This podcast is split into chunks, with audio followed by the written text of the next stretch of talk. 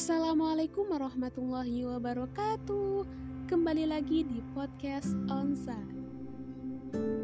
Para sahabat Onsa dan para pendengar di mana pun berada Hari ini kita akan membahas suatu topik yang menarik nih Yaitu kebenaran Kenapa aku mengangkat topik ini?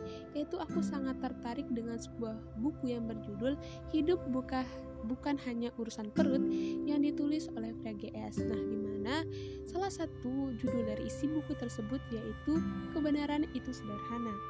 Nah, untuk para pendengar setia dan para sahabat Onsa, menurut kalian pasti kebenaran itu memiliki menurut kalian kebenaran itu memiliki versi sendiri-sendiri nih.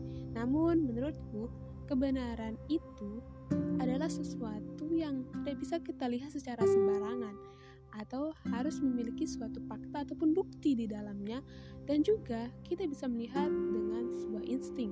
Supaya apa? Supaya kita benar-benar kebenaran ini valid adanya.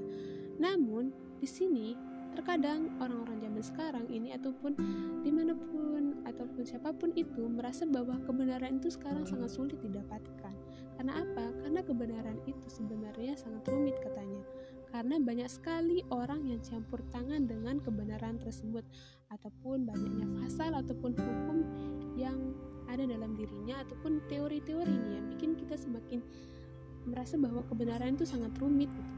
Nah, diperparah lagi nih ada cabang-cabang versi kebenaran yang membuat kita semakin bingung. Di antaranya, kebenaran versi diri sendiri. Yang kedua, kebenaran versi orang banyak. Yang ketiga, kebenaran versi hukum dan pasal.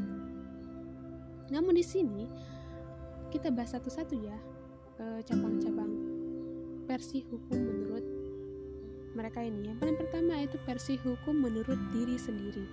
Nah, jika kita menganggap bahwa kebenaran ini atau kita sendiri nih yang menganggap oh ini ternyata benar gitu padahal kebanyakan kebanyakan orang merasa bahwa tidak benar gitu tidak valid adanya namun kita merasa bahwa ini benar ini versi saya diri sendiri gitu tapi pernahkah kalian berpikir bahwa kalian pasti pernah meragukan diri kalian sendiri ataupun merasa bahwa mutu diri kalian itu sangat kurang gitu untuk memahami atau menganalisis suatu kebenaran.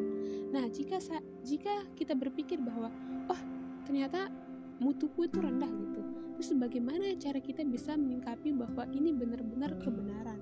Jadi, versi kebenaran menurut diri sendiri itu sangat lemah ataupun banyak e, banyak banyak yang membuat kita merasa bahwa ini tidak benar gitu. Banyak faktor-faktornya. Yang kedua yaitu kebenaran versi orang banyak. Nah, kebenaran versi orang banyak ini biasanya keroyokan. Kenapa aku bilang begitu? Karena e, kebenaran menurut orang banyak ini kan keroyokan nih. Nah, jadi kita merasa bahwa kebenaran ini mudah gitu mudah tergoda gitu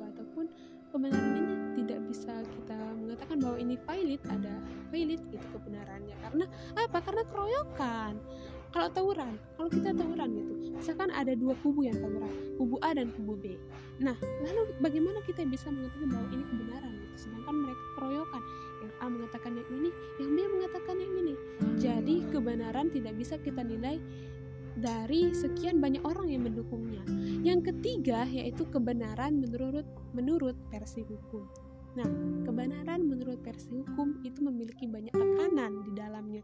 Misalkan karena tekanan karena uang, mungkin emang ini kebenaran, tapi jika masuk ke hukum karena mungkin banyak orang yang tergoda, memiliki banyak tekanan, sehingga hukum ini tidak valid kan sekarang bahkan kebanyakan orang tidak percaya tentang hukum ataupun pasal Terus yang terakhir, sebagaimana cara kita mengetahui bahwa kita bisa menganalisa bahwa ini tuh sebenarnya kebenaran itu. Tanpa kita capek-capek, tanpa kita lelah-lelah ataupun tanpa kita berjuang, kebenaran itu akan muncul sendirinya. Ya karena apa? Karena itu adalah kebenaran. Karena tanpa kita tanpa kita menganalisa pun kita bisa mengetahui bahwa ini kebenaran menurut insting gitu kebenaran itu bisa kita prediksi melalui insting gitu apa pun bungkusannya kebenaran ini walaupun seindah apa pun bungkusannya suatu kebenaran kalau isinya adalah kebohongan itu akan terlihat sangat jelas mulai dari mimik wajahnya terus juga dari gelagat e, badannya dan yang ketiga itu dari alasan-alasan yang aneh gitu. Aneh maksudnya begini misalkan ada orang yang berbohong itu biasanya e, perkataannya sangat manis sehingga bisa memunculkan sebuah kecurigaan gitu. Apakah ini benar gitu? Kok curiga banget sih aku? Ataupun orang kan biasanya orang playboy kan biasanya kata-katanya manis. Tapi kan kita curiga bahwa si cowoknya ini nggak benar gitu. Terus yang ke eh, yang kedua itu orang yang penipu tapi memiliki orang yang penipu tapi sikap tindak tanduknya itu tindak tanduknya itu sangat sopan. Padahal dia ini penipu gitu. Jadi menurut kalian kebenaran itu apa untuk para pendengar? Kebenaran itu akan muncul. Kebenaran itu akan muncul dengan sendirinya. Apa? Karena apa? Karena itu adalah kebenaran. Kebenaran itu sederhana gitu. Apa pun bungkusannya akan terlihat isinya. Thank you. Jangan lupa di share ya teman-teman. Uh, semoga bermanfaat. Wassalamualaikum warahmatullahi wabarakatuh dari Amsa